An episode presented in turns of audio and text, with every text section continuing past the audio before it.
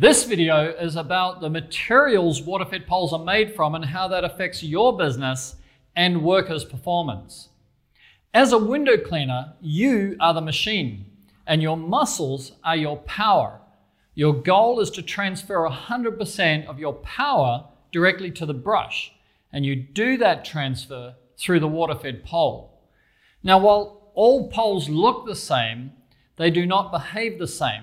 Some are rigid, some are floppy, and that affects how efficient you're cleaning windows. When it comes to cleaning windows, you like to flex your muscles, but you do not want your pole to flex. Pole flex is the loss of effort from your muscle flex.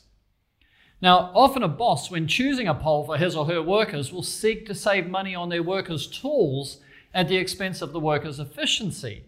We hear from bosses that this is often on the basis that the worker does not look after their tools, so why spend big money on them? Whilst this low tool cost culture is very real in the window cleaning industry, if it can be overcome, you, your company, and your workers can all earn more money per hour. Now, here's the conundrum window cleaner workers are not cheap to hire. A cheaper, floppier pole delivers lower worker efficiency. Therefore, the cheaper the pole, the more expensive the worker becomes on every job. By spending more money on a more rigid pole, your workers will work faster, and therefore the labor cost is lower on every job. Cleaning windows faster means you can add more jobs to each day, and by the end of each month, everyone is going to be making a whole lot more money. For those who can't afford the more rigid poles for their application, we say, well, any water-fed pole is better than no water-fed pole. Like any water-fed pole is better than climbing a ladder, right?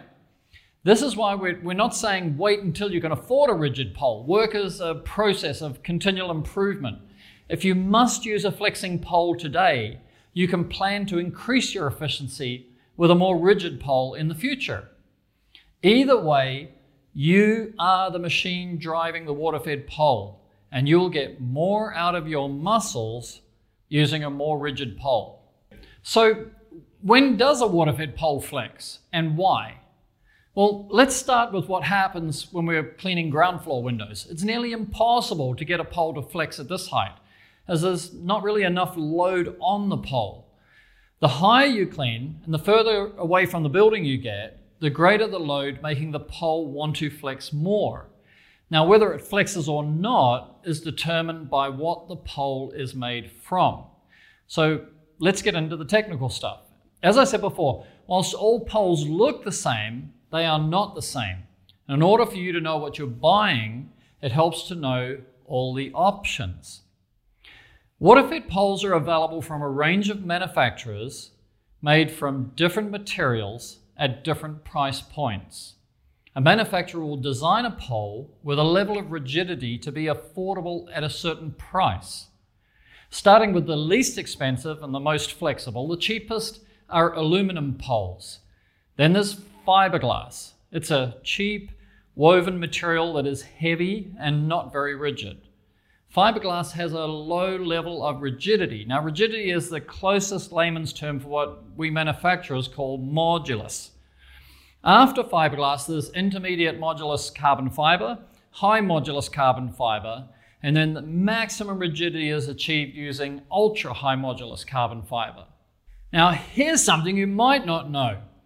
A manufacturer can even change the composition of each pole section, so there's a different rigidity in each section, and therefore change the behavior of the pole overall to match the price with the maximum working height of the pole. The longer length the fully extended pole is, the higher the modulus is required to deliver optimal rigidity. Some manufacturers promote the lighter the pole, the better it is.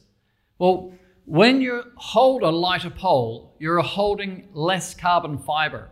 This is because there's no such thing as lighter carbon fiber. Each section of a pole is made from between five and eight layers of carbon fiber, depending on the manufacturer's recipe.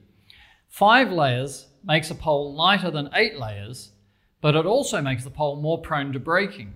Now, as replacement sections are really expensive, The choice between a pole with five layers or eight layers may be influenced by whether you are an owner operator or whether you have workers cleaning the windows.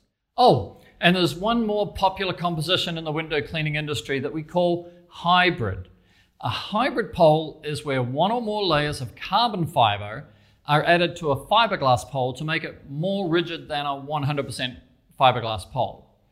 But the main ingredient is still fiberglass. Now, the reason for this is to keep the price of the pole lower, and as a result, they're still quite flexible. If the carbon fiber is added to the outside of the fiberglass pole, and the fiberglass itself is colored black, a hybrid pole can even be made to look like a carbon fiber pole.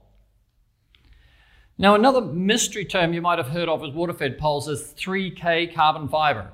3K is made by weaving bands of carbon fibers at 90 degrees to each other, like a fabric mat.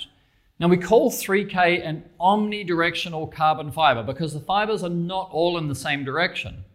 With half the fibers at 90 degrees to the other, the functional rigidity in the direction we want, which is up the pole, is only 50%.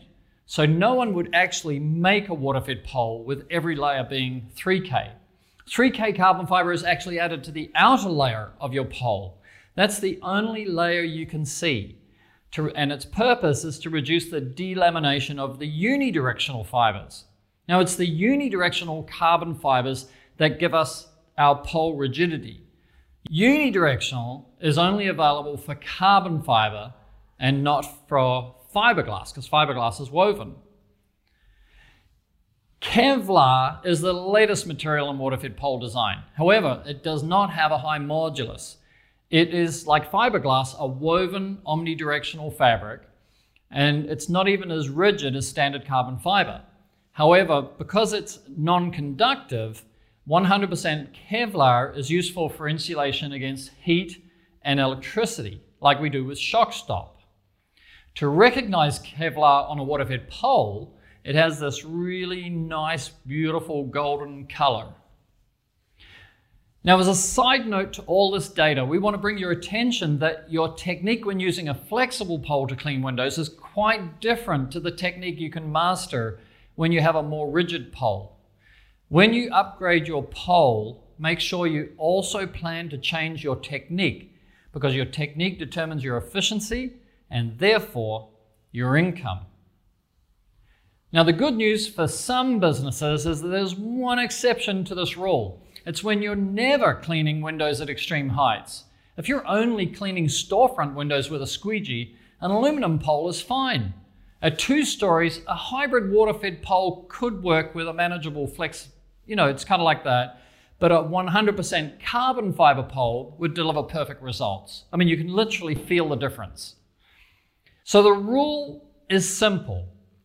The higher the windows you need to clean, the more rigid the composition of your pole should be to maximize the transfer of the power from your muscles to the brush, meaning you will be cleaning windows faster, better, and safer.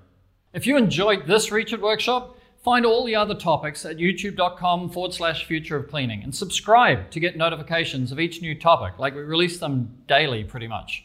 If you prefer to listen while working, check out Reach It Workshop podcast.